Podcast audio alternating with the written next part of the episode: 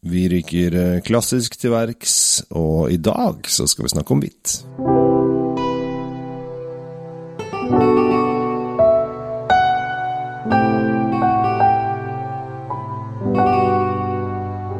Hei og hjertelig velkommen til eh, dagens episode av eh, Kjell Svinkjeller samt Drinkfeed med Tom Amrati Løvaas. Vi skal i dag bevie oss inn i det du, Tom, kaller de klassiske vinene.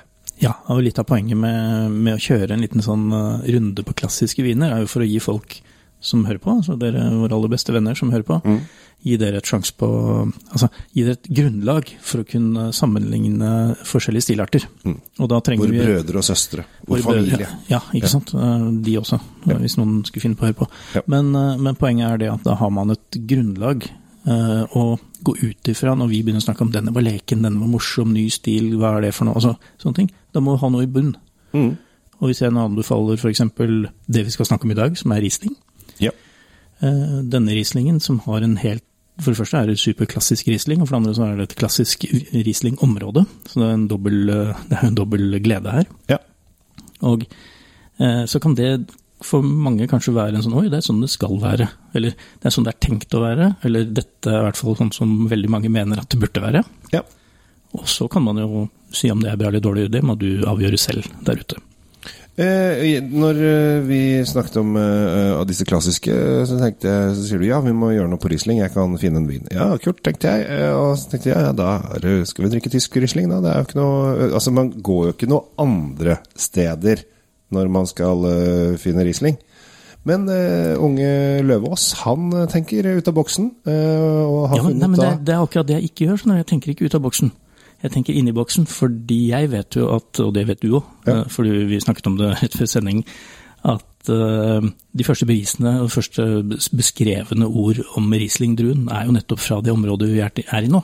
Ja, eh, fordi at veldig mange tenker av Tyskland, Riesling osv. Eh, og det vi vet, er at eh, den første dokumentasjonen skjedde da i Rudzelsheim eh, i Rheingau i 1435. Ja.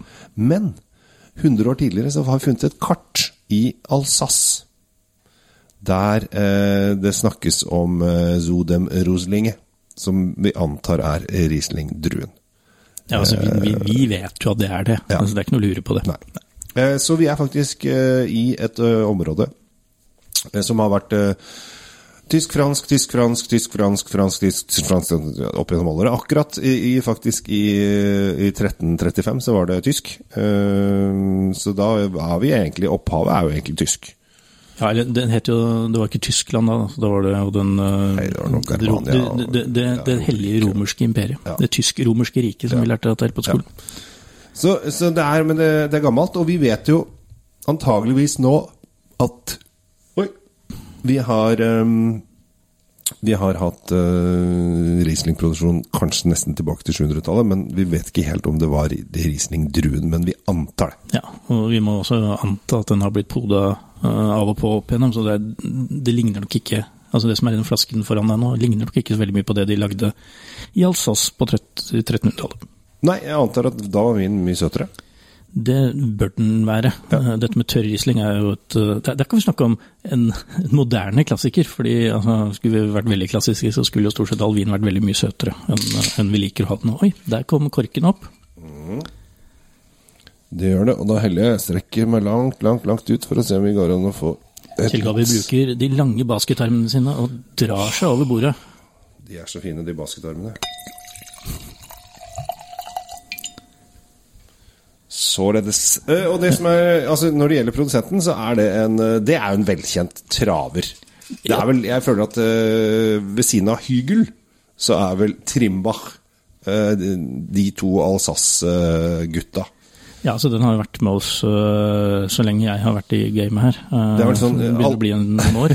ja, alle, alle viner på polet har jo et vinmonopolnummer, og denne her har vært så lenge at den har én. Nei da, det er ikke én, men det, det skulle ikke forundre meg. Nei, men ur, uh, ur, Urvinen. Så det er eh, 88801. Det er, eh, det er nummeret. Da, da snakker vi at eh, For nå er det både sekssifra, syvsifra og åttsifra. Så dette her har vært en eh, klassiker. Disse her har eh, holdt på å lage vin siden 1626. Ja, og da var, Da var kanskje Alsace fransk. Det vet vi ikke, for de bytta omtrent annethvert år. En lang, lang periode Ja, opp igjennom. Jeg tror kanskje de var eh, Kan godt ha vært franske. Da var det vel eh, nesten før eh, Solkonger og litt sånn forskjellig, alle disse Ludvigene som var på vei oppover. Ja, det var Frans og Ludvig, whatever. Ja. Det vi vet i moderne tid, da, hvis du er interessert i moderne historie, så mistet Frankrike Alsace under da, altså da det, det prøyssiske angrepet i 1870. Ja.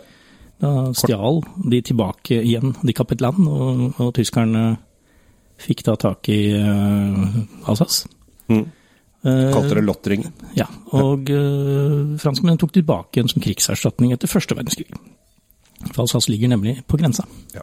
Og der har det vært Ja, du kan fortsatt gå rundt i området der nede og se på skyttergraver fra første verdenskrig, eh, hvis du Jo, ønsker det. jo, men som, som jeg sa da Jeg nevnte jo Vi, vi er I dag testet vi Trimbach. Eh, det høres jo ikke veldig fransk ut. Og jeg snakket om Hygel. Høres ikke veldig fransk ut. Og veldig mange av disse Alsace-produsentene høres jo ikke veldig fransk ut. Altså, hvis du Liksom har vært, navn uh... alle som har vært der nede, vet jo at de faktisk har et eget språk. ja. For, eh, for de blir så forvirra. For eh, du, har tre generasjoner mennesker som alle har vokst opp i forskjellige, med forskjellig språkstamme på skolen. Så det blir jo en ganske interessant julemiddag, da, kan du si. Unnskyld, nei, du må snakke tysk med bestefar, for ja, men oldefar snakker jo fransk. Ja. Har vi gående. Og de snakker ikke sammen. Nei, så de har, de har sitt eget språk, som blir en slags sånn esperanto for, eh, for området der nede. Artig, du tok frem esperanto. Vi lar den ligge. Ja, vi, jeg, jeg kjente i det øyeblikket jeg sa det, at eh, det var dumt. Men uansett, vi er eh, vi er i, vi er i Alsace, og vi er jo på dette ditt klassiske kurs av klassiske viner. Ja, og grunnen til at jeg valgte Trimbach, er fordi den har et så ekspressivt uttrykk, ikke bare for, eh, for området Alsace, eh, hvor den er en, en klassiker, men, men den viser også hvordan Riesling-druen, hvordan vi ønsker at den skal oppfattes. Og det du har lukta på nå, er jo Selvfølgelig er det sitrus oppi her. Det er jo nesten kjennetegnet på alle unge Rieslinger, men du får også disse petroleumstonene, Ja. som noen kaller kanskje neglelakkfjerner, eller noen liker å kalle det gummistøvel, eller whatever. Og jeg er mer på gummistøvel, altså. Ja. Ja. Her, er- her er det eh, disse petroleumstonene, da, gummistøvelen, whatever, de er ganske prominente. Og det, det er morsomt, fordi dette er jo en ung vin. Mm. Og det betyr at her, her har de fått fram essen- Ofte kommer ikke det før uh, at den har vært lagret noen år.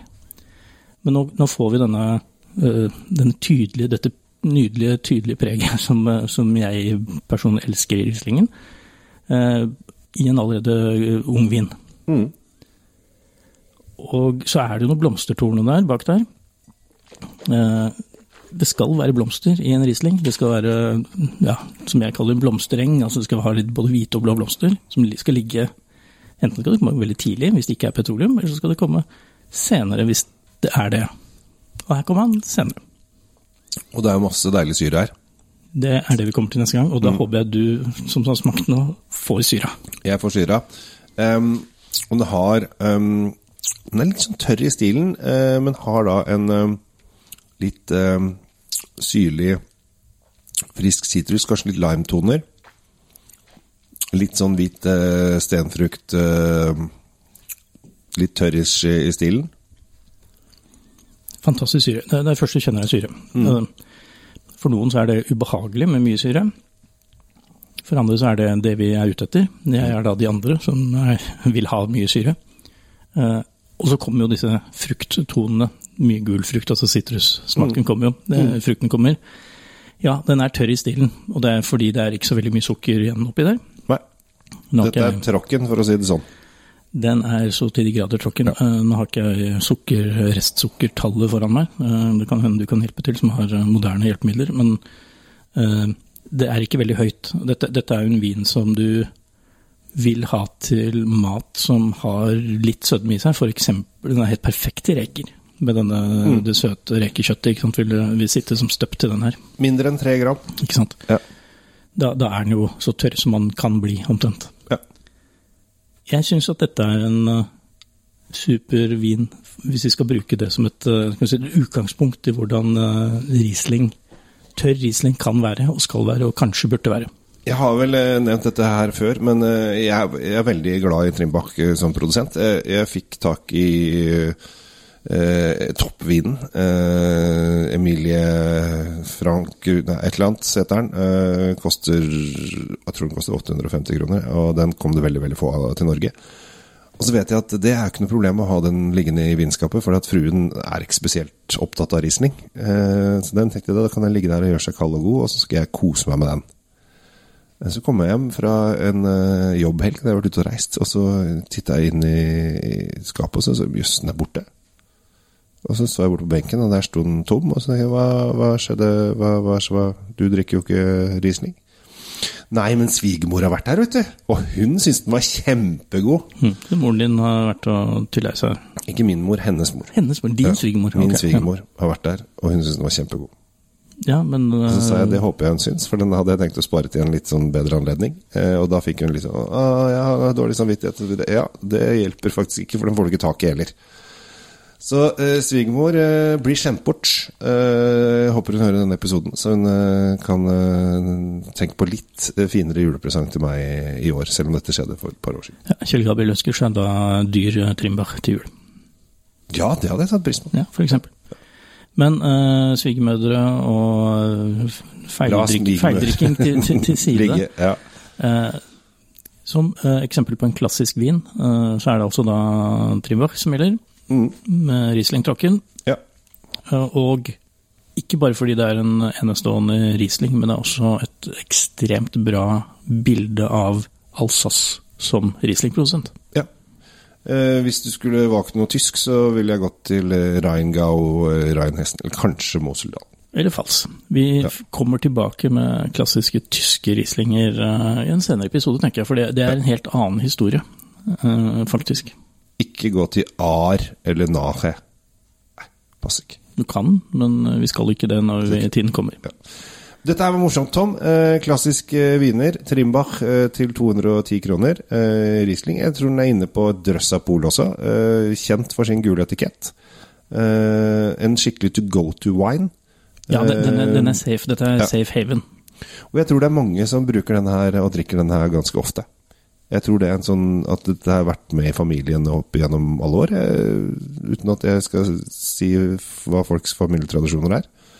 Men eh, frisk syre, som du sier, her, eh, her kan eh, her kan eh, noe svin også komme godt Denne kan godt gå til griser. Altså, som sagt, det må være en viss sødme i maten her, siden vinen er så tørr. Ja. Så den uh, vinen her tilfører ikke noe sødme til uh, luresauser eller noe. Her, her er det bare å kjøre på det safe, uh, søte kjøttet.